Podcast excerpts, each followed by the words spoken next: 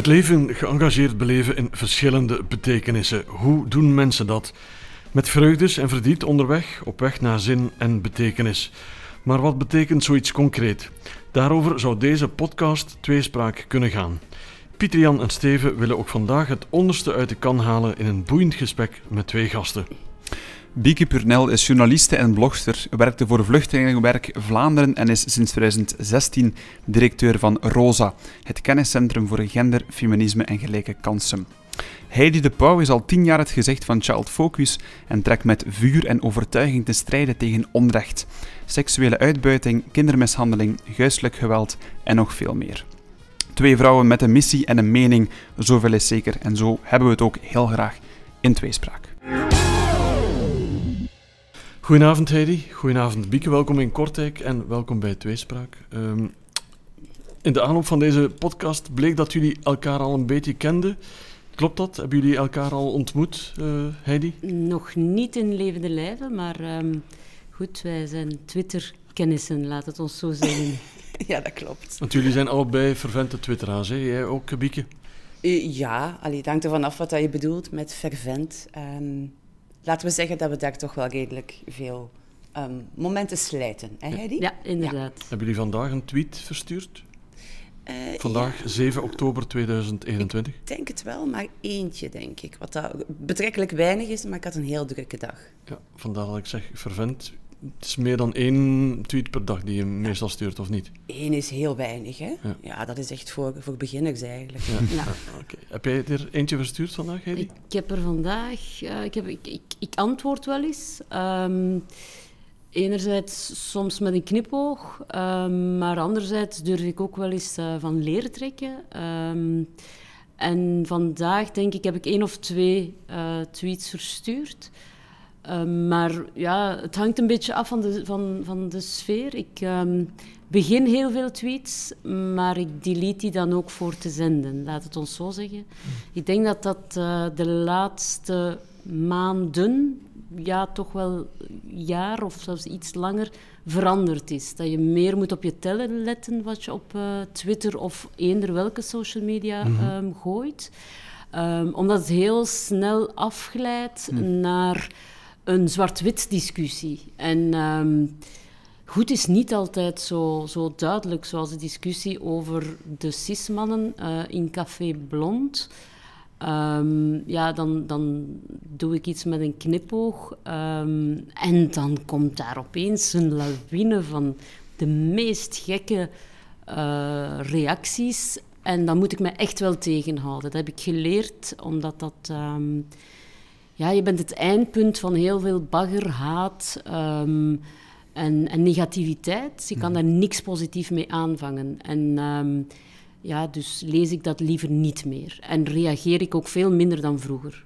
Ben je dan iemand als je een tweet binnenkrijgt die je niet aanstaat, dat je dat, kruipt dat in je kleren, zo'n reacties? Ben je daar lang mee bezig? Intern? Wel, het is te zeggen dat dat... Um, ik, ik, werk natuurlijk voor een organisatie waar je heel veel appreciatie krijgt. Um, voor de eerste keer ben ik heel zwaar aangepakt um, toen ik pleitte voor de terugkeer van de kinderen van IS-strijders um, die vastzaten in de Syrische kampen. Um, en eerst is dat heel raar. Je, je denkt van, mm, je krijgt wel eens kritiek natuurlijk over als het gaat, en vooral als het gaat over migratie en, en dergelijke meer. Maar hier ging het om haat, om, ging het om, om doodsbedreigingen, ging het om echt getrol, laat het ons zo zeggen. En um, je denkt, ik heb een olifantenvel, maar als je daar lang genoeg tegen duwt, dan komt daar ook een putje in. En ik heb um, recent eigenlijk, tijdens mijn verlof, net voor mijn verlof, zijn er weer een aantal uh, kinderen, nu ook met de mama's, uh, teruggekeerd. Mm-hmm. En ik voelde echt fysiek aan mijn, mijn schouders een soort zwaarte.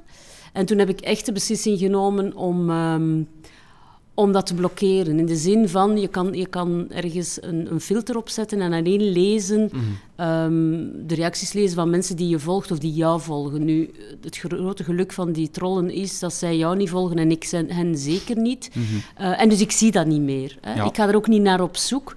En sindsdien voel ik mij echt een stuk lichter. Hè, want ja. ik bleef daar ook mee zitten. Dat is niet iets wat ik aan de aan de keukentafel uh, even uh, over spreken. Ik wil mijn gezin daar zoveel mogelijk van beschermen, omdat zij uiteraard bezorgd zijn. Zoals ik zei, ik heb een aantal allee, echt wel ernstige doodsbedreigingen gehad. Um, wat toch wel iets met zich meebrengt. Mhm. Niet in de zin zoals Mark van Rans en dergelijke meer, maar toch mhm. wel uh, ja, duidelijk. En dan, dan denk je van ik kan daartegen, maar als dat te lang duurt, mhm. Ja, dan kruipt dat echt wel in de kleren. Ja. Bieke, krijg jij wel eens bagger over jou oh, naar alleen van een tweet en, en, hoe ga jij daarmee om? Ja, wat hij die zegt klopt. Hè. Ik denk dat we onszelf allemaal met enige regelmaat censureren. Niet zozeer omdat we bang zijn om onze mening te geven, maar omdat je weet wat er komt. En heel veel mensen zitten op dergelijke fora met als doel om, om anderen persoonlijk aan te vallen. Uh, omwille van een andere visie of een ander maatschappijbeeld. Um, ik heb totaal geen probleem met debat of met andere visies. Maar waar ik absoluut um, heel streng in ben, is als het persoonlijk of giftig of ronduit beledigend wordt. Hmm. Dus ik hanteer voor mezelf wel een, een vrij strenge hygiëne. Van zodra er zoiets komt, blokkeer ik. Onmiddellijk.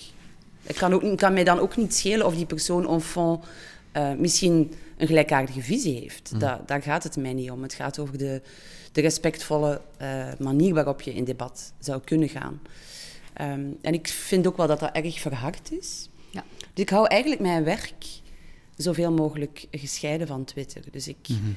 uit wel meningen op Twitter over mm. de samenleving, omdat ik daar nu eenmaal betrokken bij ben. En voor de rest beperk ik mij tot zeer veel wielertweets in het wielerseizoen. Ja, daarmee doe je geen kwaad natuurlijk. Pas op. op zich is Twitter misschien ook soms een, deeltje stress. En stress is voor iedereen niet zo goed. En dat brengt ons eigenlijk naadloos bij de eerste vraag van vanavond. Want ik ben wel heel benieuwd. Je zei het net zelf ook, um, Bieke, je hebt een eh, heel drukke dag gehad. En dat het bij Heidi ook niet anders was vandaag. Maar hoe onthaasten jullie, ik vind dat een heel mooi woord nog altijd, hoe onthaasten jullie op een drukke dag. Wat doen jullie om te ontstressen, Bieke? Um, er zijn verschillende dingen, afhankelijk van de tijd die ik heb. Maar ik weet van mezelf dat ik absoluut moet bewegen. Um, ik ben sowieso al niet erg, um, gewoon geen zittend persoon.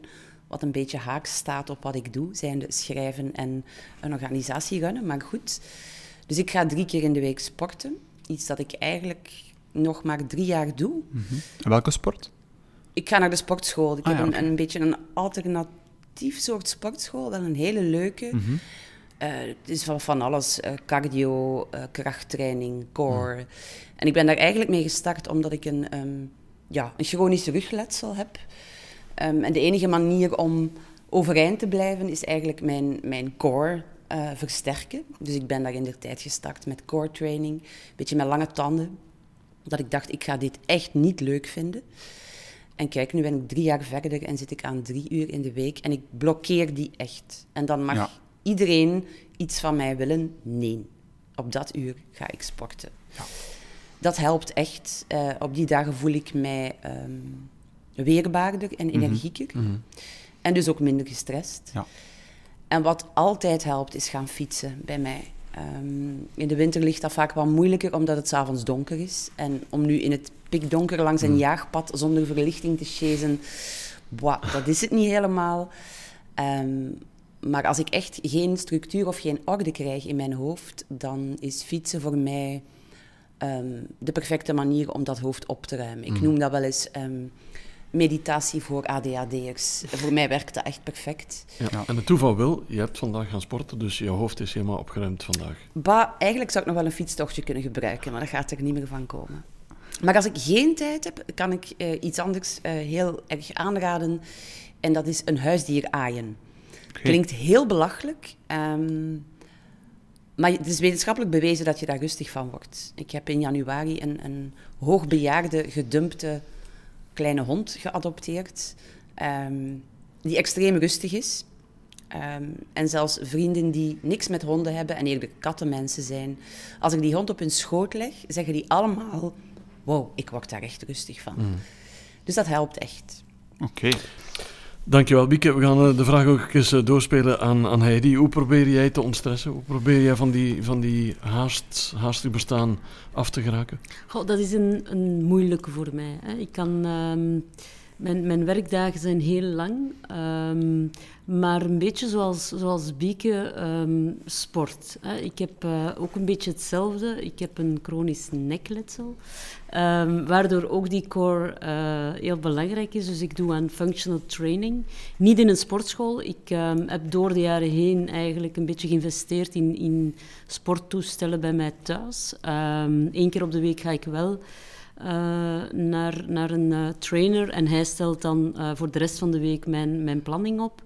maar ik heb dat nodig. Hè. Ik heb dat mentaal nodig, maar ook fysiek. Hè. Zo voel ik mij, mij een, stuk, een stuk beter. Ik heb heel zwaar corona gehad, waardoor ik dat, dat ik acht, tien weken bijna niks kunnen doen heb. Echt niks.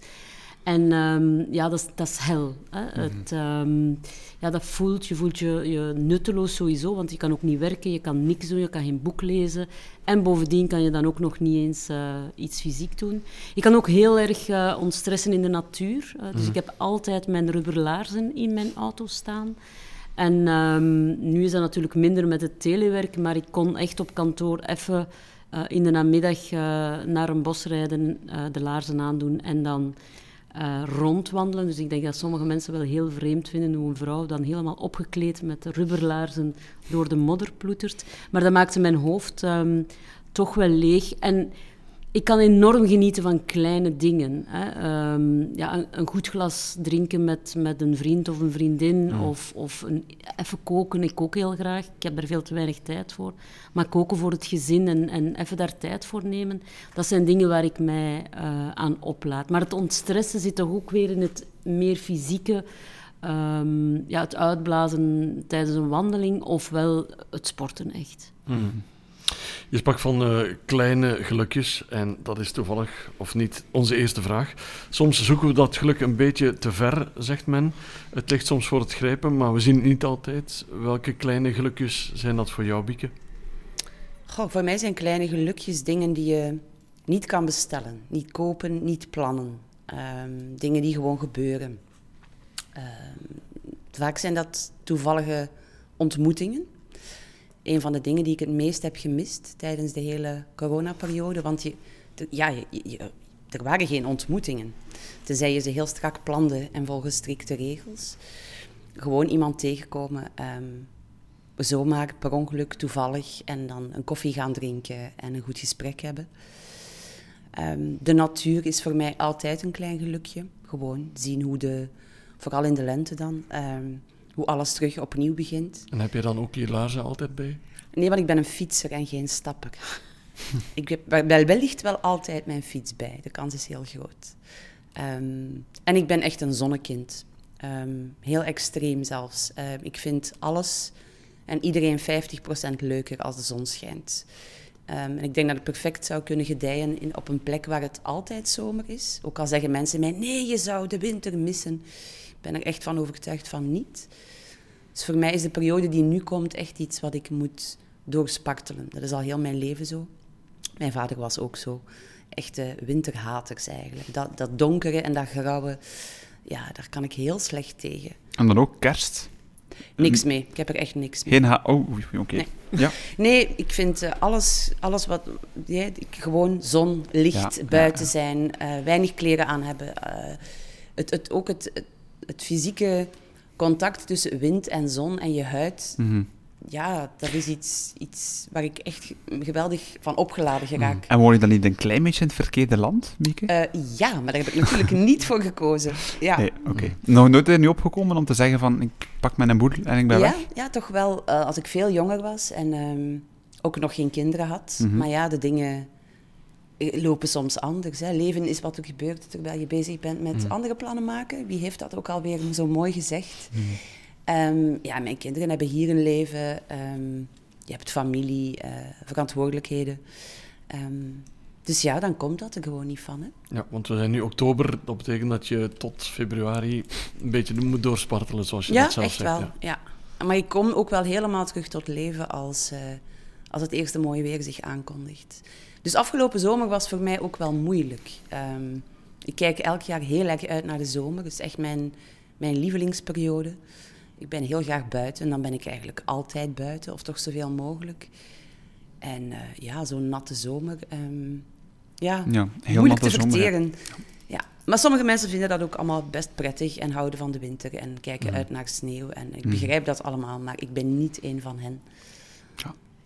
Kleine gelukjes. Eh Heidi, wat, wat is dat voor jou concreet? Goh, voor mij zit dat echt in, in, zoals Bieke zegt, in de kleine dingen die je niet kan kopen. Hè. Het, ehm, ik ben ook een zonnekind. Ik ben een zonnepaneel zelfs. Hè. Als de zon schijnt, dan... dan, dan ik, ik zet mij 's ochtends in de zon met een goed boek, als ik niet moet werken. En ik draai gewoon mee met de zon tot ze ondergaat. Uh, maar in tegenstelling tot Bieke hou ik wel ook van, van, van sneeuw en koude. Dus ik hou niet van alles wat daartussen zit. Dus de tussenseizoenen zijn niet echt voor mij... Uh, omdat ik hou van licht. Mm. Licht en zon. Um, maar de kleine dingen zitten, zitten inderdaad in, in, zoals ik zei, een, een, een goed glas drinken, een goed gesprek hebben. Uh, met mensen die ik ken, mensen die ik niet ken. Um, maar kinderen bijvoorbeeld kunnen mij heel erg gelukkig maken. Kijken naar het spel van kinderen, hoe kinderen die elkaar totaal niet kennen, um, de taal zelfs niet spreken van elkaar, toch die, die, die, ja, het spel ja, spelen en, en gelukkig kunnen zijn. Weerkracht van kinderen maakt mij enorm gelukkig. Het zijn natuurlijk clichés, hè. Ook, ook, als ik mijn dochter gelukkig zie, word ik, word ik gelukkig. Maar dat zijn dingen, toevalligheden ook. Uh, ik heb, ik heb in mijn jeugd uh, een boek gelezen uh, van Aiden Chambers, Je moet dansen op mijn graf. Dat is een boek dat mij heel erg als, als tiener heeft getekend. En ik ben daar jarenlang op zoek naar geweest en dan opgegeven. En ik was dan toevallig in een Oxfam-winkel. En ik keek daar in de boeken tweedehands en ik zie opeens voor 5 euro dat boek liggen. En voor mij is dat puur geluk. Uh, dat, dat maakt mij gewoon ontzettend gelukkig, omdat ja, dat boek, uh, dat zoveel voor mij betekende en nog betekent, want dat is een, een zeer een aanrader ook, mm. dat ik dat dan vind. Uh, toevallig in een Oxfam, terwijl ik totaal niet op zoek was, eigenlijk daar ook niet moest zijn. Um, ja, dat, dat maakt mij gelukkig. Mm. Um, uiteraard zijn er grote dingen die mensen ook gelukkig maken. Maar die kleine dingen, ik zeg altijd, ik zie de gruwelijkste dingen uh, van de mensheid. Mm. Wat maakt dat het kleinste mij heel erg gelukkig kan maken. En ben je dan iemand die daar bewust bij stilstaat? Bij het feit van als je in een goed gesprek zit of zo, dat je in jezelf even beseft van ik ben op dit moment eigenlijk echt wel gelukkig of voor dit doe ik het? Ja, absoluut. Een, een, een goed gesprek of een goed boek bijvoorbeeld is voor mij een stukje weg zijn van, van de realiteit ook. Mm. Hè. Het, um, als je, als je een, een goed boek leest bijvoorbeeld in mijn zon dan, terwijl ik zonnepaneel ben, uh, dan ben ik eigenlijk op reis. Ik zit in dat boek. Ik kan mij ook heel erg inleven in een gesprek, in een, um, in een boek. En, en dat maakt het net zo fijn. En daar laat je heel erg, uh, heel erg van op. Helaas... Uh, en ik denk dat bij Bieke hetzelfde zal zijn, is daar te weinig tijd voor. Mm. Maar dat maakt het des te waardevoller. Ja. Mm. Heb jij dat ook met koers bijvoorbeeld, Bieke? Want iedereen associeert jou natuurlijk met, met de koers. Heb jij dat ook, dat je helemaal kan verliezen in, in zoiets? Dat is ook wel grappig dat je dat zegt, want mensen denken natuurlijk dat ik eh, hele dagen alleen maar naar de koers zit te kijken, maar ik lees best veel. Ik ga graag naar het theater, ik ga naar de film. Ik heb een uitgebreide plaatcollectie. Um, ja, maar nee, absoluut. Um, nu laten we wel wezen, er zijn heel veel koersen die gewoon ja, de laatste tien minuten boeiend zijn en voor de rest ja, hooguit interessant mm. om te volgen, maar niet per se een must. Maar af en toe, en de laatste tijd toch wel wat vaker, zie je inderdaad uh, een soort wedstrijd waar ik echt helemaal uh, in op kan gaan. Dat heeft veel te maken met de manier waarop deze generatie wielrenners zo'n zo wedstrijd aanvangt en niet wachten. Gewoon meteen in de aanval. Dat is heel leuk om te volgen. Mm. Maar eigenlijk is ook aan, aan die sport wat mij het meest aantrekt, zijn de verhalen. Het is een heel verhalende sport. Dus wie er wint, is op zich niet zo heel erg belangrijk. Um, het gaat dan veel meer over wat er onderweg gebeurt. Ja. Dus Frank is een, een, de, de, sport, de, sportschrijver van de Lage Landen. Um, zei ooit, als je van literatuur houdt, dan moet je ook van wielrennen houden. Het is eigenlijk net hetzelfde, het is gewoon fictie. Ja, dus het is op zich ook voor jou puur ontspanning. Dus uh, naar de koers kijken, of deels? Ja, ja. En ook weer nee, want mm -hmm. mijn kinderen komen wel eens binnengelopen eh, in de zomer als de ramen openstaan met de, de vriendelijke, doch kordate vraag of het alsjeblieft wat stiller kan, omdat de buren mij horen. Dus ja, ik roep ook wel en ik leef wel mee. Dus of dat nu echt ontspannend is, Ja. ja, ik, ik, ik zou het niet zo meteen kunnen Hmm. zeggen. Dan ben je tegelijk journalist en supporter eigenlijk. Nee, op dat moment ben ik helemaal geen journalist. Want ik, ik ben trouwens columnist wat het wielrennen betreft. Dus ik hoef helemaal niet eh, objectief te zijn en verslag te maken. Dat vind ik ook voordeel. helemaal niet interessant. Groot voordeel. Ja, vandaar het verhaal interesseert mij veel meer dan de uitslag. Oké. We hebben toch al de quote van de uitzending, hè, Pieter-Jan? Ik ben een zonnepaneel, vond Ja, ik vind dat fantastisch. We zetten elke, elke aflevering één quote in de kijker, dus die staat bij mij nu echt al bovenaan. Voilà. Maar ik hoor daar in het supporteren misschien wel een trekje van iemand, Steven. Dat zou wel kunnen. En dat is ook toevallig een van onze vragen. Daar ben ik ook heel benieuwd naar, naar het eh, trekje dat je misschien zelf hebt, maar misschien ook niet zo snel aan anderen laat zien. En ik zie Heidi ook al lachen van ver. Dat wil zeggen of dat je het ofwel al goed weet, ofwel dat je toch lang moest nadenken over die vraag. Goh, ik moet daarover nadenken. Ehm, een trekje, iets dat ik liever heb dat anderen eh, niet weten, is, ehm, ik denk, ik ben echt een gevoelsmens. En, en men, men schat men heel, mij heel vaak in als een hele strenge, bitchy, eh Rationele. bossy, rationele vrouw. Ehm, en dat is niet zo. Ik ben eigenlijk, ik ben echt een gevoelsmens. Ehm, ik ehm, kan, kan best wel diep gaan in mijn eigen gevoelens. En ik, ik hou van, van lachen. Ik, ik zou niet kunnen zonder, zonder humor. Ik zou niet kunnen zonder vrienden, sociaal contact. Vandaar, en ik geef dat heel graag toe. Ik heb echt, echt last gehad van die corona. Ehm, in de zin van, ik kan dat natuurlijk relativeren, want ik heb een, een huis op het platteland en we hebben een tuin en wij, wij hebben alles wat we moeten hebben. Wij hadden alle twee ons job nog.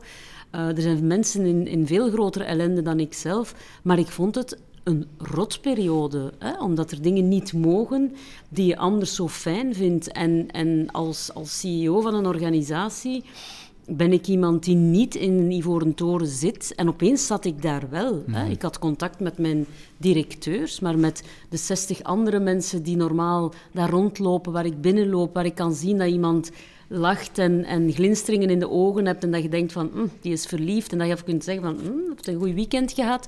Of iemand die, die net eh, treurig is. Dat zijn zaken die ik heel erg ehm, gemist, hebben, he- gemist heb. En ja, in, in, programma's zoals De Zevende Dag ben ik geen lolletapper, uiteraard. Het gaat ook over ernstige thema's waar ik eh, elke dag mee, mee bezig ben.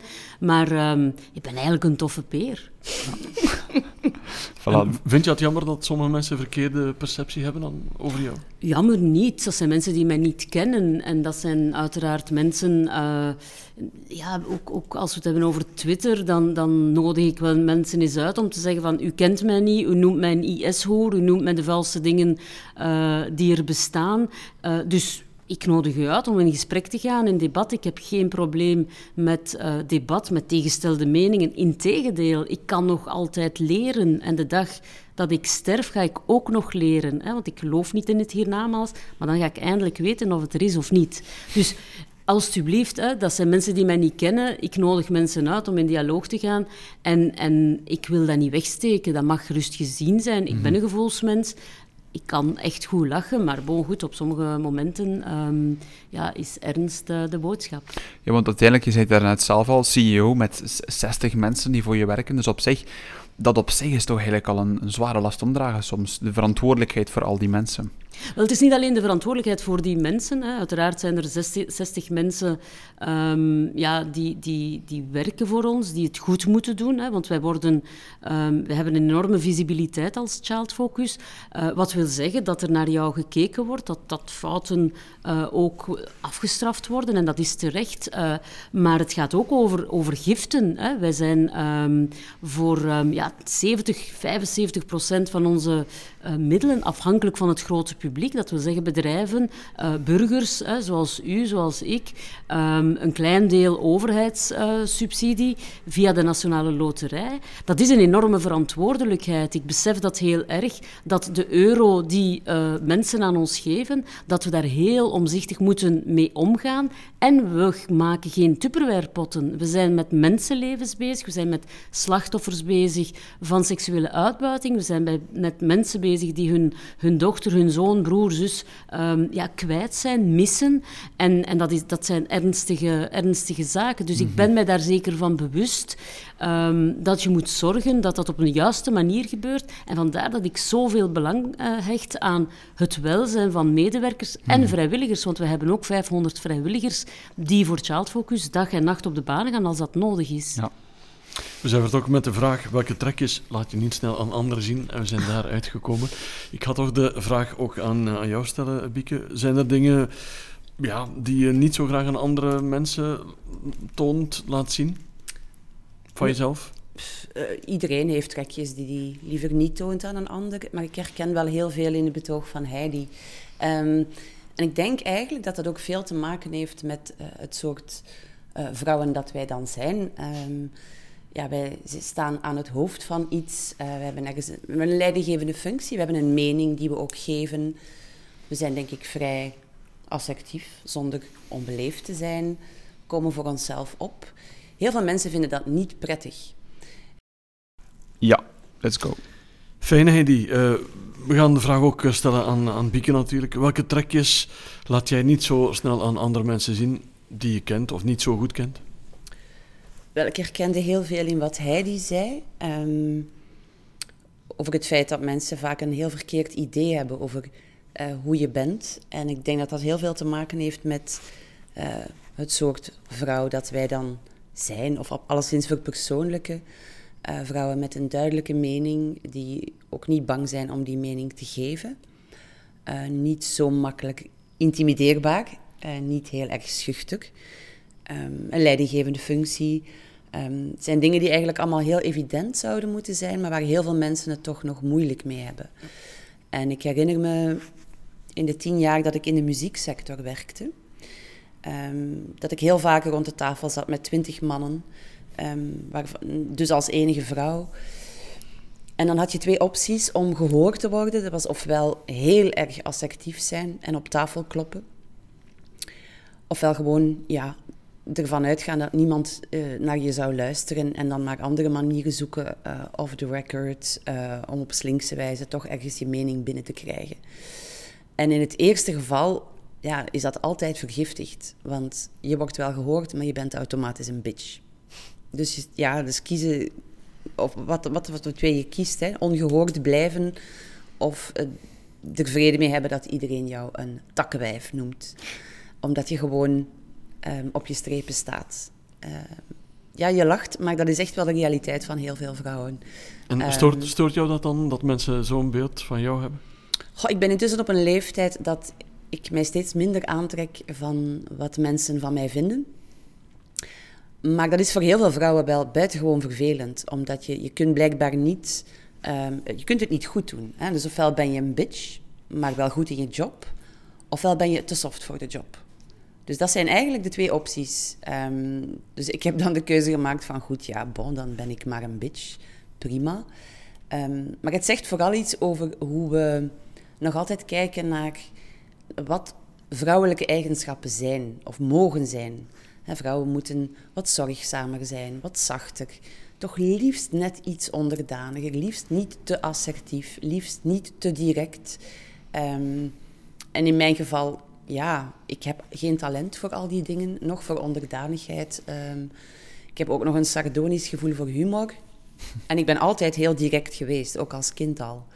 Um, en ik vond dat wel heel lastig, ja, als opgroeiend meisje, omdat ik voelde dat dat niet de norm was. Mm um, intussen heb ik daar absoluut vrede mee, maar het maakt wel dat er nog altijd heel veel mensen die mij niet kennen, maar alleen maar lezen, het idee hebben dat ik een hele strenge, harde tante ben. Hebben mensen dan schrik soms van jou ook? Ja, ik hoor dan vaak van, ja, maar eh, ik ben geïntimideerd door jou of jij bent intimiderend. Of, um, terwijl ik denk, ja, ik ben gewoon, ben eigenlijk best wel vriendelijk. Mhm. Ik ben wel ook gewoon direct.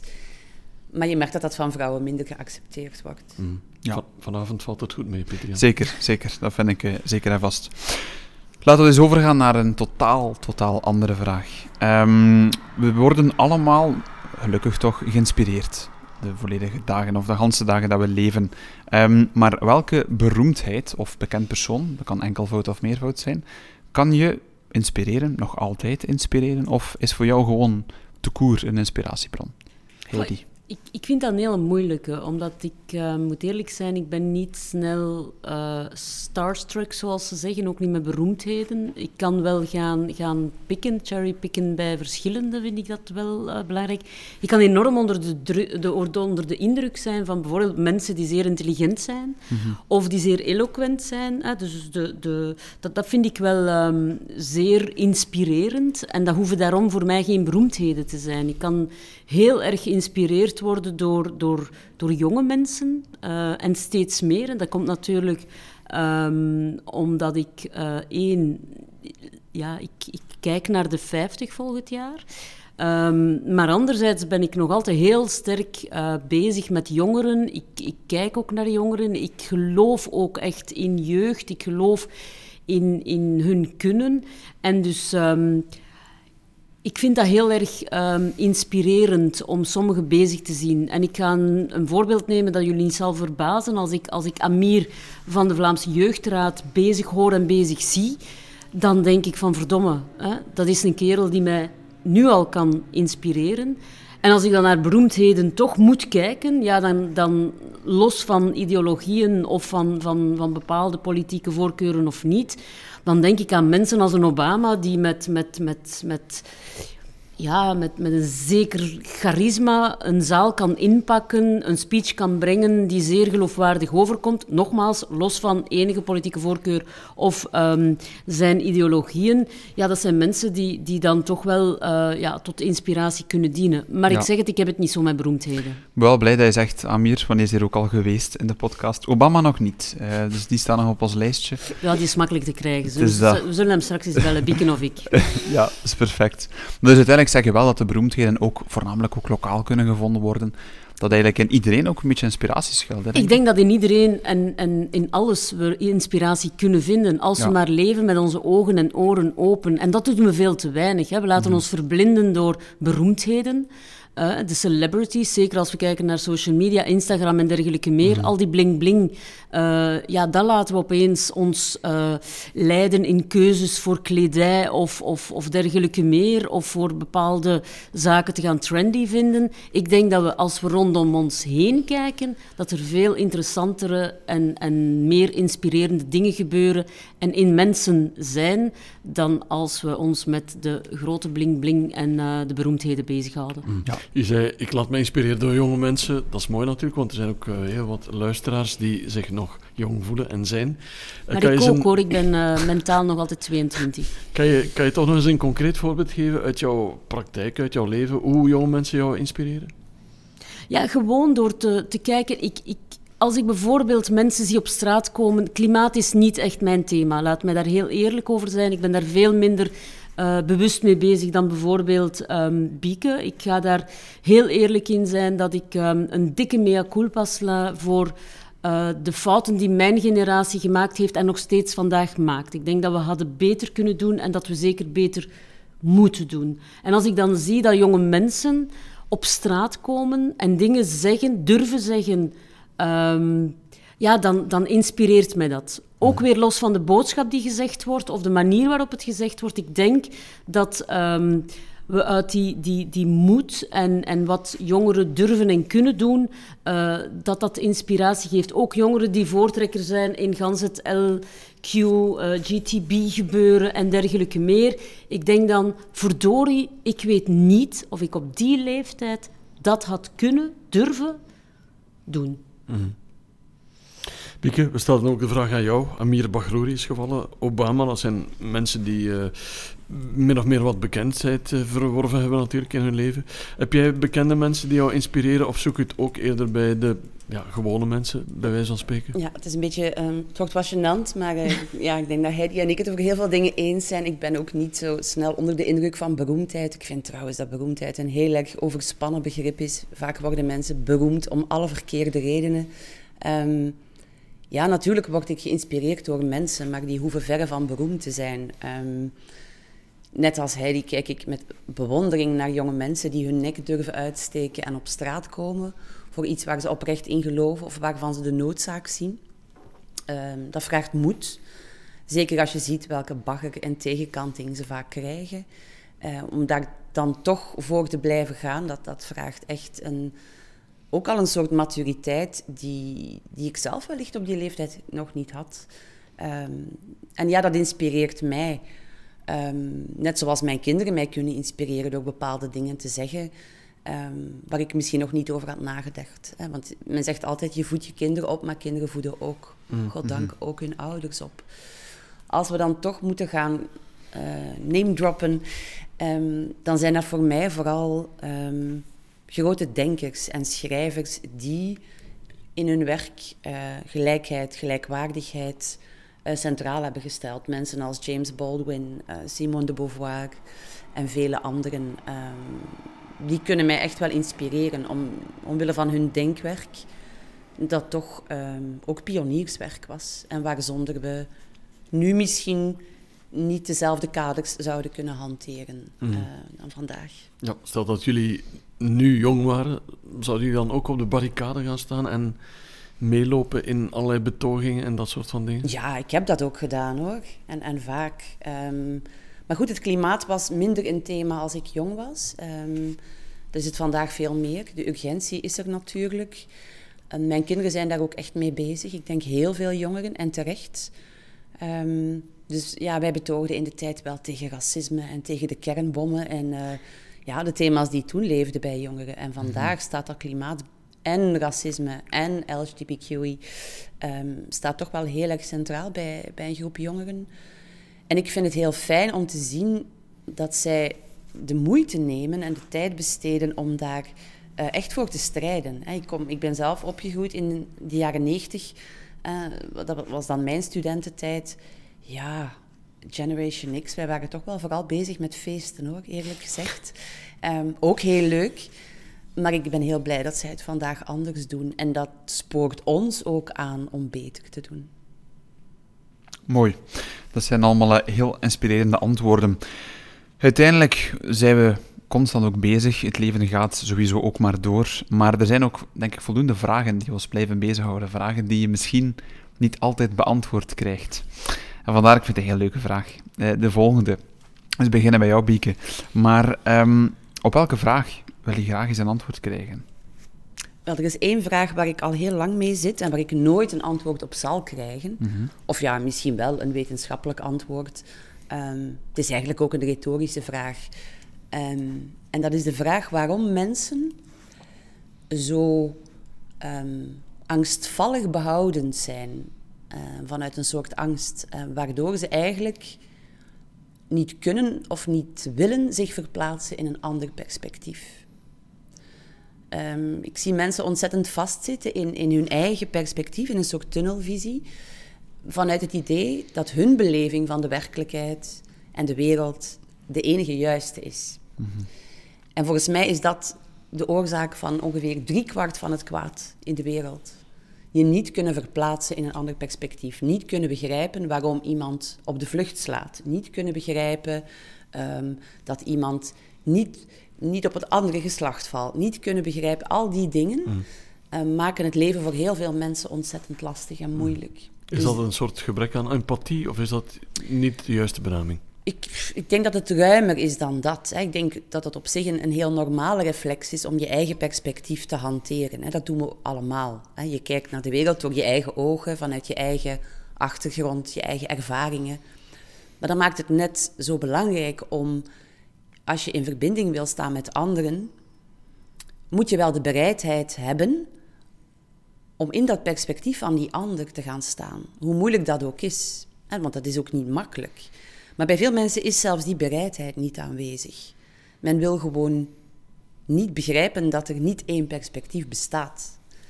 Um, ik vind dat heel fascinerend, maar vooral buitengewoon frustrerend. En je merkt in, in heel veel debatten dat dat eigenlijk de essentie is van het debat. Hmm. En waarom we er ook niet uit geraken. Dus als we die vraag zouden kunnen beantwoorden, dan zouden we er iets aan kunnen doen. En ik denk dat we heel veel ellende zouden kunnen oplossen. Heb jij een antwoord op die vraag zelf al bedacht? Nee, helaas. Als ik het ooit weet, uh, zal ik het uh, in elk geval laten weten. Heidi, kan je je vinden, eerst en vooral misschien in de vraag van Bieke? Absoluut, want ehm, ze maakt eigenlijk deel uit van, van de vraag uh, waar ik zelf graag een antwoord zou op, op uh, krijgen. Dat is de waarom-vraag. En de waarom-vraag in heel veel dingen. Um, wa waarom ben ik hier op deze aardkloot? Laat het ons zo zeggen. Waarom is mijn papa zo vroeg moeten sterven? Uh, waarom inderdaad uh, is er zoiets als onverdraagzaamheid? Hè? Waarom, wa wa waarom doen mensen elkaar de duvel aan? Omwille van het feit dat, dat een jongen een jongen graag ziet, bijvoorbeeld. Hè? En, en, dus ik kan me daar heel, heel sterk uh, in, in terugvinden. Het zijn bijna existentiële vragen. Um, en, en waar ik ook besef dat, dat, um, dat we daar nooit een antwoord gaan op krijgen. En misschien is dat net het interessante eraan. Dat we daar kunnen over nadenken, dat we daar kunnen over discussiëren. En, en ik denk dat, dat mensen zoals Biek en ikzelf, maar heel veel mensen met ons, net ja, diegene zijn die die groep die vastzit in dat enge, die tunnelvisie, een stuk port om daar eens uit te treden, om, om, om dat op een andere manier te bekijken. Um, maar bij mij zit het ruimer, hè, de, de, de algemene waarom-vraag. Waar, waarom uh, ja, waarom zijn we hier? Waarom, waarom worden ja, de goeie, dat is zo de typische, hè? de goeie moeten eruit en de slechte blijven er dan hier rondlopen. Um, ik stel me heel vaak die vraag als ik met dingen, uh, onrechtvaardigheden, ook in het mm. werk dat ik ook doe, uh, als ik kijk naar de beelden van seksueel misbruik van kinderen, is dat het eerste dat bij mij opkomt van waarom? Waarom beseft u niet dat dat niet oké okay is, dat dat pijn doet, dat dat fout zit, dat dat moet stoppen? Maar helaas, inderdaad, dat zijn vragen die ons aanzetten om verder te doen waar we mee bezig zijn, daartegen te strijden ook. Um, maar ik vrees dat dat uh, een vraag is die ik zal meenemen, ook in mijn graf. Mhm. Ja, het is, een, het is een soort levenswerk uh, voor jou.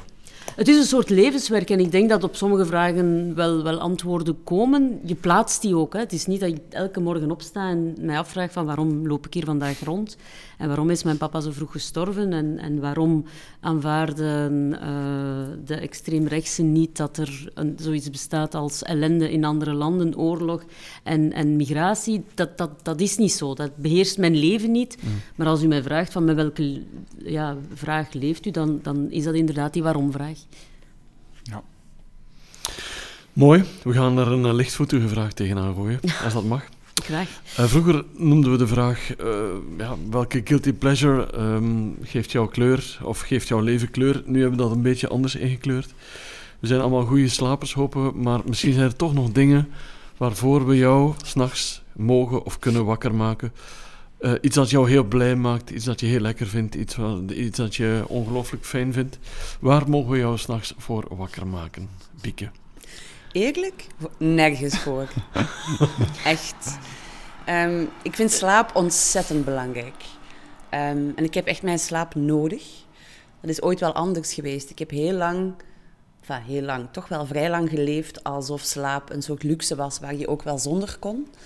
Uh, het gebeurde wel vaak dat ik drie, vier uur sliep, douchen nam, gewoon ging werken. Um, en dat lukte nog ook, vind ik vandaag buitengewoon wonderlijk. Um, maar ja, dan krijg je kinderen. En als ik um, optel hoeveel onderbroken nachten ik heb gehad, kom ik toch aan ja, zo'n zes jaar.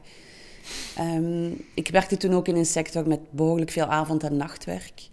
En ik was echt compleet uitgeput. En ik hmm. moet zeggen dat mijn kijk op slaap sindsdien um, ja, fundamenteel veranderd is. Dus als je mij vraagt waar mogen we je voor wakker maken, dan denk ik, dan raad ik je ten strengste af om dat te doen. Want ik, de reactie zou wel eens niet zo fijn kunnen zijn.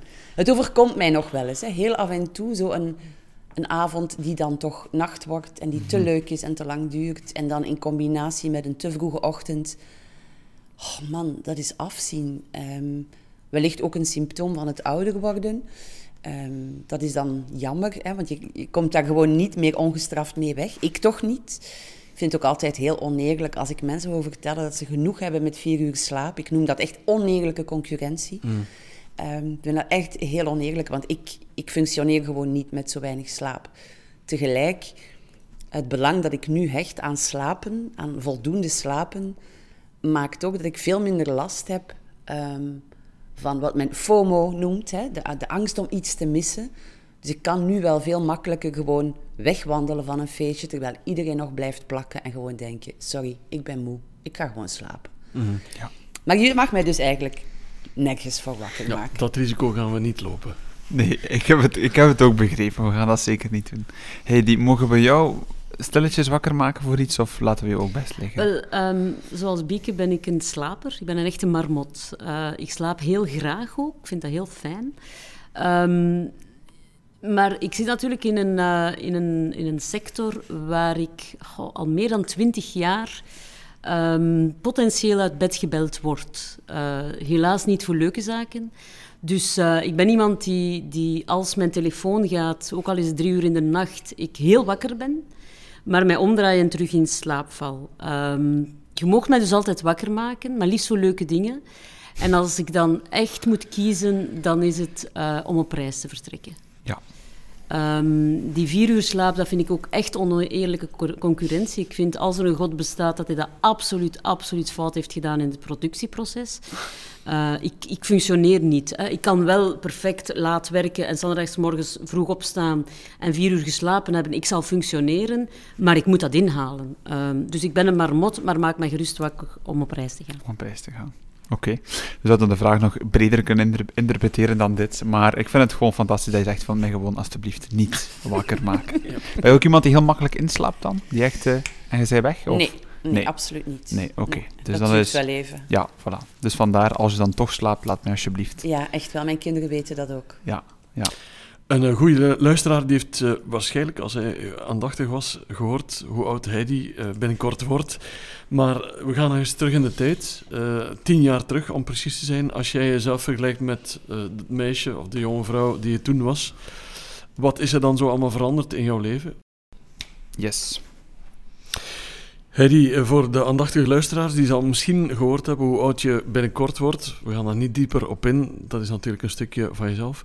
Maar als jij jezelf vergelijkt met de dame, het meisje dat je tien jaar geleden was, is er dan heel veel veranderd in jouw leven of toch niet? Wel, tien jaar geleden, bijna dag op dag, op 2 november ben ik CEO geworden van, eh van Child Focus. Dus voor mij is dat toch wel een mijlpaal eh, toen. En ehm, als ik mezelf vandaag vergelijk, dan denk ik dat het toegeven dat kwetsbaarheid geen teken van zwakte is, iets is dat ik eh, tien jaar geleden nooit zou durven gedroomd hebben over mezelf. Ehm, ik werd in die functie ehm, aangenomen. Ik wist wat voor een enorme uitdaging het was. Het was een publieke functie. Eh, intern, extern, langs alle kanten diende ik daar dan een juiste lijn eh, in te trekken. Ik denk, eh Child was toen aan het puberen, laat het ons zo zeggen. We zochten onze identiteit, dus dat waren allemaal uitdagingen waar ik voor stond en waar ik dan toch wel een aantal jaar later beseft heb dat ik zelf verhard was, een stukje vervreemd was van mijn authenticiteit. Hè. Ik, ehm, ja, ik was eigenlijk de CEO geworden en ik was Heidi kwijt. Ehm, en ik, ik moet eh, zeggen dat dat besef eh, dan gekomen is en ik gaandeweg toch wel heb moeten toegeven van kijk, ik ben niet onfeilbaar. Ik, ehm, ook ik kan wel eens met mijn kop tegen de muur lopen. En dan, ehm, ik heb dat ook toegegeven. Ik heb ook mijn personeel daarvan ingelicht toen ik daar echt van afzag. Ehm, ik denk niet dat het een burn-out was, maar ik denk dat ik er heel dichtbij gestaan heb. En sindsdien vind ik het veel makkelijker, alhoewel het nog steeds geen evidentie is, om toe te geven dat het soms niet goed gaat. Dat het soms geen toffe dag is. eh, en en dat, dat is een bevrijding. Dus als ik mezelf vergelijk met tien jaar geleden, dan het toegeven dat ik ook kwetsbaar is, zie ik niet meer als een teken van zwakte. Dat is een mooie stap vooruit. Dat is een enorme stap vooruit, vooral voor mezelf en mijn omgeving. Hè? Want eh, het, ehm, ik besef dat ik niet aangenaam was in de periode dat ik eigenlijk mij sterker voorhield dan ik van binnen was. Hè? Ik, ik besefte dat ik ja, alleen stond aan de top. Ehm, terwijl ik even goed een hand had kunnen uitreiken. Maar ik ben zo niet opgevoed. Ik ben opgevoed van... Heidi, je valt, we gaan je knietjes kuisen en je gaat terug recht staan en doorgaan en droog je tranen en huppla, hè, we gaan voort. Uh, dat was de tijdsgeest. Dat was zeker niet de fout van mijn ouders. Maar dat maakt dat je, dat je bij tegenslagen of, of bij, bij ja, obstakels doorgaat. Ondanks het feit dat je eigenlijk voelt dat het niet goed zit. En ik denk dat dat vandaag anders is. Maar dat is met ouder worden zo. Um, uiteraard is dat ervaring. Maar ik denk ook de tijdsgeest is klaar of iets rijper om durven toe te geven mm. Dat het soms niet oké zit. Mm. En stel dat jij de Heidi van tien jaar terug zou ontmoeten, wat, wat zou je haar zeggen? Ik zou zeggen uh, dat ze best wel hulp kan inroepen. En dat hoeft niet altijd professionele hulp te zijn, maar de hand uitreiken en bijvoorbeeld de mensen rondom u uh, betrekken bij problemen. En het gaat dan vooral over het professionele. Dat denk ik dat dat uh, iets is wat ik vandaag als raad zou meegeven. Hè. Ga met iemand praten, neem iemand in vertrouwen, ofwel in je directe omgeving, ofwel een professional. Er zijn mensen genoeg die daarvoor opgeleid zijn. Um, maar ja, dat, dat was iets dat not done was. Hè. Dat was toegeven aan, aan je zwakte. Um, en voilà, vandaag zie ik dat niet meer als zwakte, en toen wel. Amai, ik vind dat helder. Mocht hij die haar tienjarige verleden Heidi tegenkomen, zou je toch wel iets te vertellen hebben, denk ik. Inderdaad. Bieke, bij jou.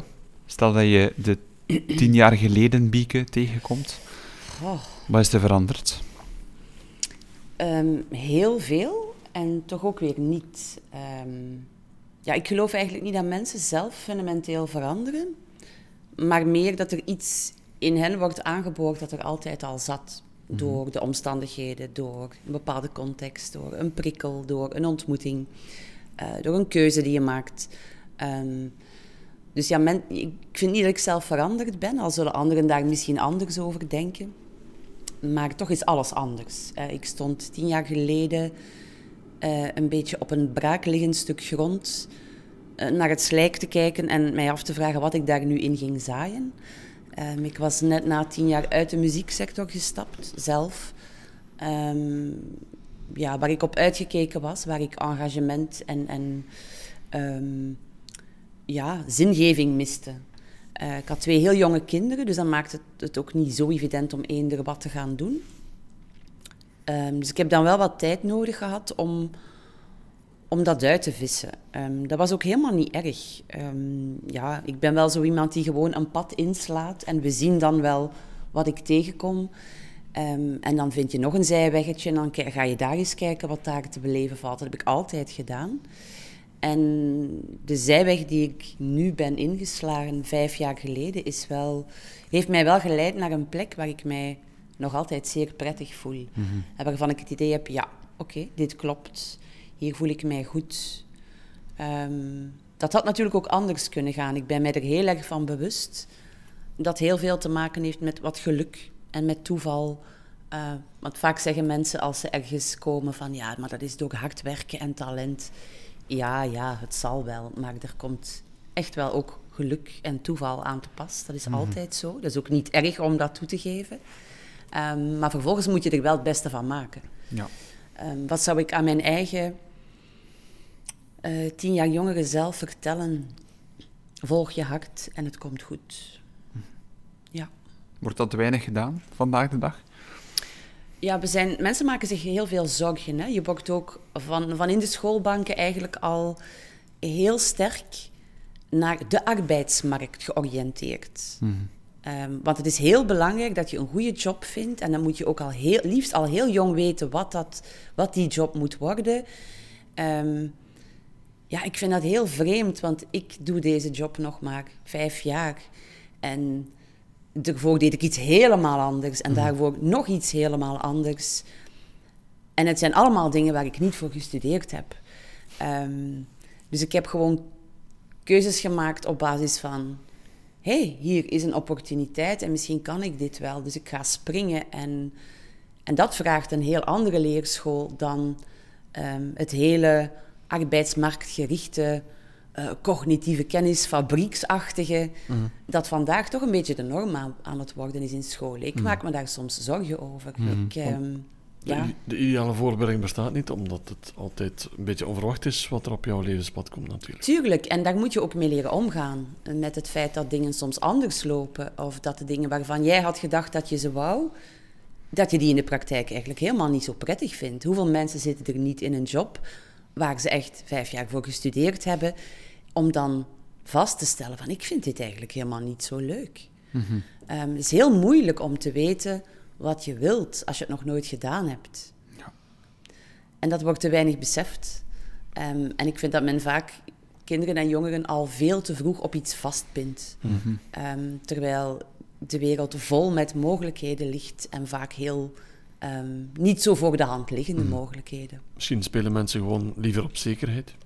Ja, dat denk ik wel. Hè. En ik denk dat ouders daar ook sterk uh, en heel begrijpelijkerwijs op aansturen, omdat je gewoon wil dat je kind ehm, een inkomen heeft en, en comfortabel kan leven en veilig is. Dus ik begrijp die reflex ook wel. Maar tegelijk denk ik dat we soms uh, wat meer ruimte zouden moeten kunnen laten voor creativiteit en, en bepaalde ehm, wensen die van binnen in mensen vaak toch een heel leven latent blijven mhm. sluimeren en waar eigenlijk nooit aan toegekomen wordt. Waar ik ook graag plaats voor maak, dat is voor de volgende vraag. En die gaat voornamelijk opnieuw een beetje over die inspiratie. Dan eerder welk liedje, welk boek, welke film staat die centraal. Dat is eigenlijk gewoon heel simpel. Welk liedje, boek of film of en heb je een herkenbare persoonlijke band mee? Ja, eigenlijk als ik het, het liedje dat mij heel diep doet nadenken is Neon 17 à Leidenstadt van Jean-Jacques Goldman. Um, waarom? Omdat het gaat over tot welke groep zou ik behoren als ik geboren zou zijn in dat Duitsland, als ik geboren zou zijn in Belfast, als ik geboren zou zijn in Zuid-Afrika.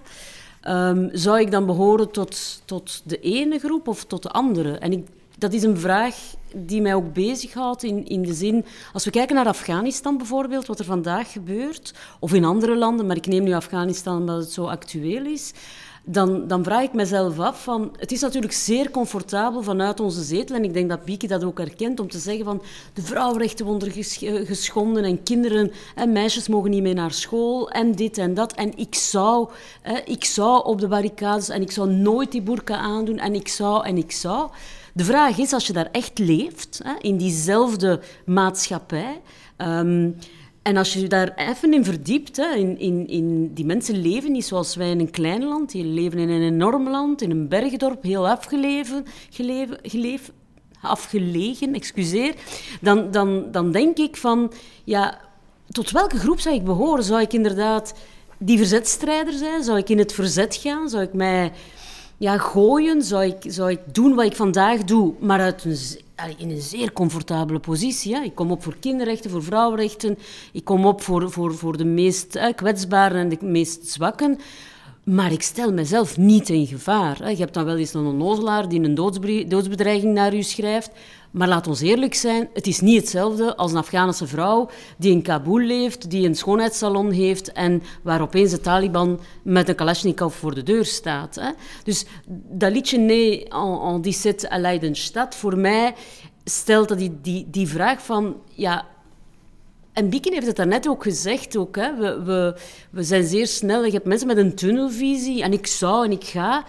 Als je echt daarin verplaatst. Ik vraag mij af, ik zeg altijd, moest ik in de Wereldoorlog geleefd hebben, ik zou in het verzet gezeten hebben. Mm. Maar dat is gemakkelijk. Ik zit er niet in. Hè? Ik heb geen honger. Ik moet niet leven van, van wat mensen mij toegeven of met angst voor, voor, voor mijn, mijn leven. Mhm. Dus dat is een liedje dat mij echt ja, heel nauw aan het hart ligt, omdat dat mij telkens met de neus op de feiten drukt dat het leven dat ik vandaag leid in een democratie, oké, waar gepolariseerd wordt, waar ik mij ook veel vragen begin te stellen rond, rond dit en, en, en dat, maar, maar toch nog altijd zeer luxueus en waar de dingen eigenlijk ja, evident zijn. Hè? Dat ik s morgens opsta en een brood kan gaan halen, dat mijn dochter kan studeren, uh, dat ik als vrouw kan gaan werken, uh, niet afhankelijk hoef te zijn van, van een man of van, van van liefdadigheid. Dus ja, dat is eigenlijk een van de liederen waar ik, waar ik toch wel... Er zijn er veel, hè, want ik hou heel erg van muziek. Ik ben zeer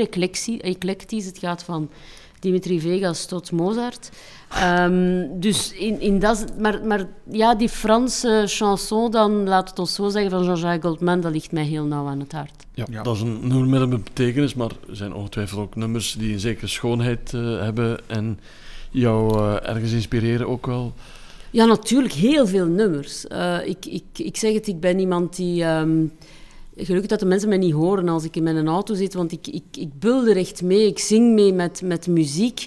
Uh, ook boeken bijvoorbeeld. Het mooiste dat we delen van, van uh, Ish Ait Hamou is, is, is mm. iets dat... dat ja, dat is, dat is pure schoonheid wat die man verwoordt. En, en ook wat ik zelf meemaak als het gaat over, over, over de kinderen van, van Syrië-strijders. Is dat net het dilemma waar je voor staat? Van, ja, je weet dat dat gruwelijkheden zijn dat die ouders hebben gepleegd. Die vrouwen, die mannen, die hebben foute keuzes gemaakt. Die hebben wellicht vreselijke dingen gemaakt, uh, ja, gedaan of meegemaakt. Maar die kinderen blijven daarin zeer onschuldig. Dat, dat, dat gevecht dat je in dat boek ook heel duidelijk uh, kan, kan lezen, ja, dat zijn zaken die mij, die mij meenemen en die mij, mm. mij tekenen. Maar dan in de schoonheid. Hè. Nee, Leiden, on die set Leidenstad is geen, dat is niet lelijk. Hè. Dat is een mooi lied. Ik zing daar het volle borst mee mee. Omdat ik mij echt ook die vraag stel. Zou ik de beul zijn of het slachtoffer of in verzet gaan? Mm.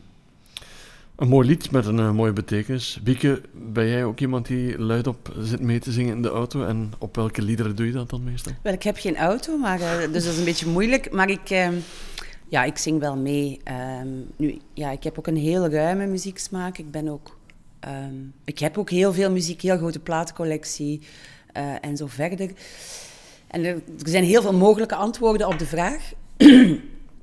maar eigenlijk is er één artiest en die mij eigenlijk al een heel leven meeneemt. Of toch een half leven. Zo oud ben ik nu ook nog weer niet. Um, en voor wie ik, met wie ik een, een hele, bijna intieme band voel. Mm. En dat was geen liefde op het eerste gehoor. Um, het gaat over Joni Mitchell. En toen ik haar voor het eerst hoorde, dacht ik... Hé, wat is dat? Die zingt zo raar en de gitaar staat, staat een beetje vals gestemd. En um, dus wat je dan normaal doet, als, als je iets niet mooi vindt, dan, dan laat je het links liggen. Hm? Mhm. Als je iets niet lust, dan ga je het de volgende keer niet bestellen. Maar er gebeurde iets heel raars. Ik, ik, ik raakte heel erg gefascineerd door, door wat ik had gehoord. En ik wou dat absoluut mooi vinden. He, zoals je bijvoorbeeld op een bepaalde, uh, op een bepaalde leeftijd absoluut koffie wil lusten of olijven graag wil eten, omdat dat nu eenmaal bij volwassen worden hoort. Dat had ik met Joni Mitchell. Ik moest dat goed vinden. Um, is heel bizar, want ik, ik, heb eigenlijk heel weinig geduld met dingen die mij niet meteen mm. aanspreken. Als een boek mij na tien pagina's niet bij mijn nekvel heeft, ja, bon, laat maar. Maar dat was niet zo bij Joni Mitchell. En ik, ja, ze gaat met mij mee van mijn vijftiende tot vandaag. Um, en een aantal jaar geleden moest ik een ode aan haar schrijven toen ze 70 werd. Mm uh, voor recto verso.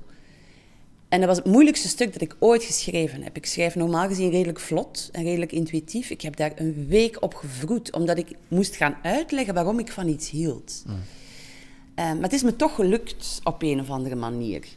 Um, en ik denk dat het vooral ligt aan haar ongelooflijke eigenzinnigheid. Alles wat zij deed was um, heel authentiek. Dus iedereen leerde haar kennen als een um, lieflijke volkszangeres. Terwijl er eigenlijk best wel um, pittige teksten achter mhm. zaten, die vaak ook wel heel kritisch waren, maar ook heel naakt. Ze, ze toonde zichzelf ook heel naakt in al haar muziek. En op een gegeven moment had ze iets van, ja, allemaal leuk dat gevolk, maar ik ga nu iets helemaal anders doen. En raakte ze helemaal in de ban van de jazz, wat daar eigenlijk haar publiek van zich wegduwde. Daar heeft zich nooit iets van aangetrokken. Uh, ze heeft een plaat gemaakt, The Hissing of Summer Lawns, die door critici werd neergesabeld. Zij vindt het haar beste plaat ooit. Dus dat typeert haar heel erg. Van ik doe gewoon wat ik moet doen. Um, ze wou ook met niemand samenwerken. Uh, niet met andere zangers, niet met producers, want ze vond dat ze dat zelf allemaal beter kon. En dat was ook zo. Um, maar vooral slaagt ze erin om als geen ander um, de poreusheid van het menselijk bestaan in muziek te gieten. dat klinkt heel zwaar, maar dat is echt zo. Ik weet dat ze ooit door een aantal collega's werd aangesproken die zeiden van... Joni, zou je niet af en toe iets voor jezelf houden? Want je ligt in elke plaat zo bloot. En ik denk dat het dat is wat maakt dat heel veel mensen eh, met haar zo'n band hebben. En ook zijn blijven hebben. Uh, ze heeft op latere leeftijd nog platen gemaakt met orkesten die helemaal anders waren dan wat ze in het begin deed. Um, en altijd net datgene wat niemand op dat moment van haar verwachtte. En zeker nooit hetgene waarmee ze makkelijk succes zou kunnen oogsten. Um, en muzikaal heel erg virtuoos. Mm. Dus het is een vrouw waar ik naast muzikaal ook als, als persoon heel veel bewondering voor heb. Ze kreeg op een bepaald moment een, een hoe heet dat, een ster in de Walk of Fame heet mhm, dat. Mhm. Ja, ze is uiteraard niet komen opdagen, want dat interesseert haar geen hol. En ze is ook helemaal gestopt met, met optreden en muziek maken, omdat ze van mening was dat de muziekindustrie ziek en pervers was. Mhm, dus ik heb haar helaas nooit zien spelen.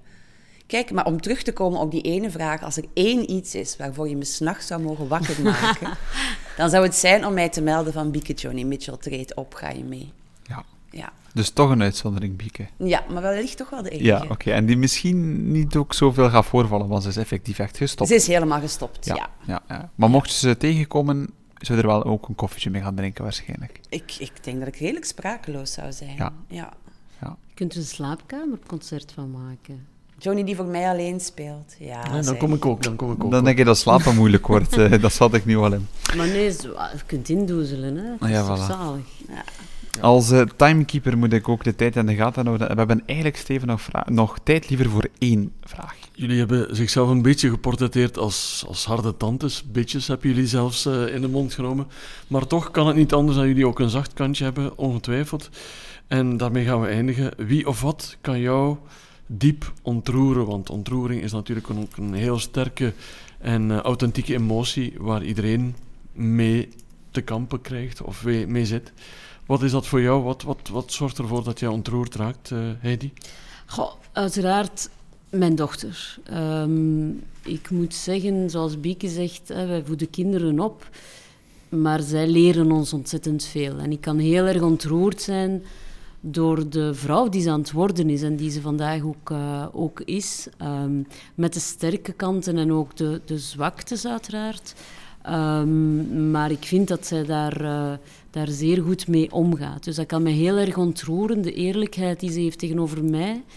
Uh, de puurheid. Dus dat vind ik iets dat mij zeker kan, kan ontroeren. Maar, um, maar mooie muziek, een mooi lied. Um, en vooral liederen met betekenis ook. Ik, ik kan mij wel vinden in, in wat Bieke zegt, dat... Um, ja, voor mij teksten zijn heel erg belangrijk. Ik kan een ozel staan doen op Tomorrowland en, en bonky, bonky, bonky. Hm. Dat, dat geeft niet. Ik amuseer mij dan. Ik vind het ook mooi op dat moment. Maar ik kan heel erg ontroerd zijn door een... Ja, Boudewijn de Groot, die... Uh, iets dat mij ook typeert. Hè. Een tip, de tip van de sluier. Uh, dat, dat zijn zaken waar ik mij dan ook in herken.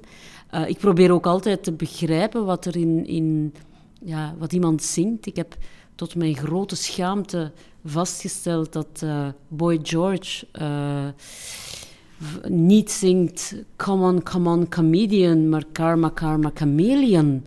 Ja. Um, dus ik, ik, ik was daar heel erg voor, door verbaasd, want ik heb gans mijn leven als, als tiener dan meegezongen, maar verkeerd. Uh, dus nu, nu probeer ik dat wel te begrijpen. En natuurlijk films. Ik heb gisteren voor de duizendste keer, denk ik, Gladiator herbekeken. Dat zijn dingen die mij, die, mij, die muziek van Hans Zimmer, uh, die met die scènes, het, het, de betekenis die daarachter zit, uh, de symboliek, ja, dat, dat, dat, dat, zijn zaken die mij heel erg uh, kunnen ontroeren. Ja, net als de natuur. Hè. Het, als, als, je wandelt aan de zee, in, in, in, het bos, ook al is dat voor de dertigste keer, net zoals met een film herbekijken of, of, of muziek herbeluisteren, toch merk je altijd iets anders. Of, mm. of, of is er een detail die, die je toch wel op een of andere manier mhm. vastpakt en, en, en die iets doet met je. Dus maar daarvoor moet je tijd hebben en, en daar even bij stilstaan. En dat vind ik uh, heel belangrijk. En dat mm. is iets waar ik toch wel bewuster dan het tien jaar uh, geleden vrouw die begon uh, als, als verantwoordelijke van Child Focus. Vandaag denk ik dat ik daar veel meer bij stilsta. Mm. Dankzij jouw getuigenis zit ik nu met de zinsnede in mijn hoofd. Achter iedere deur die ik open doe, doe jij een andere deur weer dicht. Ja, dat is ook zo. Ja. Van, van Boudewijn de Groot. En ik vrees dat dat, dat, dat iets is dat... Um, mijn mama heeft dat ooit gezegd, dat dat mij zo typeert als, als kind, als tiener al. En ik, uh, ik denk dat dat nog steeds zo is. Ik zal mij nooit ont, uh, volledig blootgeven, uiteraard. Uh, niet bij iedereen. Maar um, ja, wie goed luistert, ogen en oren openhoudt, zoals ik al eens zei, die kan toch al veel ontdekken. En die merkt dan dat achter die harde tanden, tanden of dat schild, um, dat we soms noodzakelijk moeten opzetten dat daar toch wel een, een gevoelspersoon zit. Mm. Pieke, ben jij iemand die snel ontroerd is? En hoezo? Hoe komt dat? Hoe, hoe laat jij je ontroeren? Wie of wat zorgt daarvoor? Oh, ik ben echt heel makkelijk ontroerd eigenlijk. Uh, emo-kip heet dat dan. Hè? Um, nee, ik kan ontroerd worden van een, bejaarde meneer die voor mij aan de kassa staat en heel traag allemaal eenpersoonsporties op een band legt. Dat kan mij al ontroeren. Um, maar uiteraard ook kunst, uh, muziek, uh, bepaalde films. Ik, ik kan compleet ontredderd een theaterzaal of een bioscoop uitkomen en echt een uur niks zeggen. Um, dus het is echt niet zo moeilijk. Uh, een wielrenner die vol snot en slijk en huilend over de meet komt en hopla, Purnelle weent mee. Um, mij ontroeren is eigenlijk niet zo moeilijk. Um, en ik vind dat ook helemaal niet zo erg. Ik denk dat geraakt worden door iets of iemand een van de mooiste dingen is die er bestaan. Als je niet meer geraakt wordt, ja, dan stop je met voelen. Dan, dan ben je misschien niet echt meer voluit aan het leven. Dus ik schaam me daar niet echt voor. Um, behalve dan het feit dat het soms wel wat gênant is om met tranen op je gezicht in zo'n bioscoop of een theaterzaal te zitten op het moment dat het licht aanvloept. Um, maar ik heb er vrede mee. Iedereen weet intussen van mij ook dat ik makkelijk huil.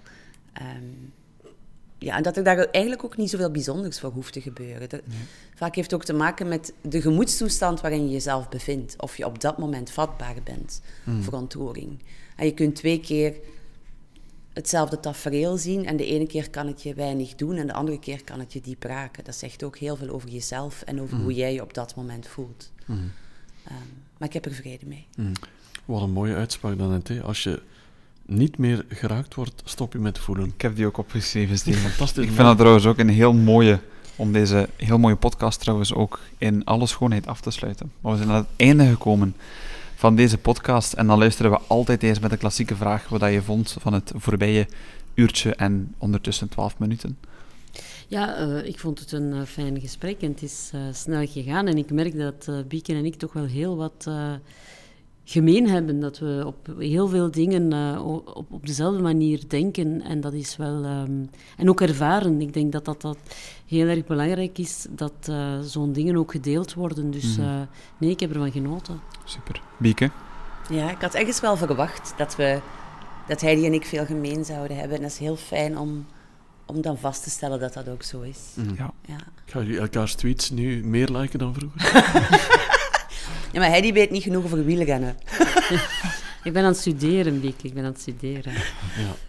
Voilà. Ik ga jullie bedanken voor jullie kwetsbaarheid, want het was niet evident. Dat weten we ook. Het zijn niet vragen die elke journalist aan jullie stelt. Dus dank je wel voor jullie eerlijkheid ook al. Zeker. Alles is bedankt voor jullie komst. Ook Steven opnieuw bedankt voor deze episode. Idem dito. En zeker en vast tot de volgende tweespraak. Tot tweespraak. Dank u wel. Dag.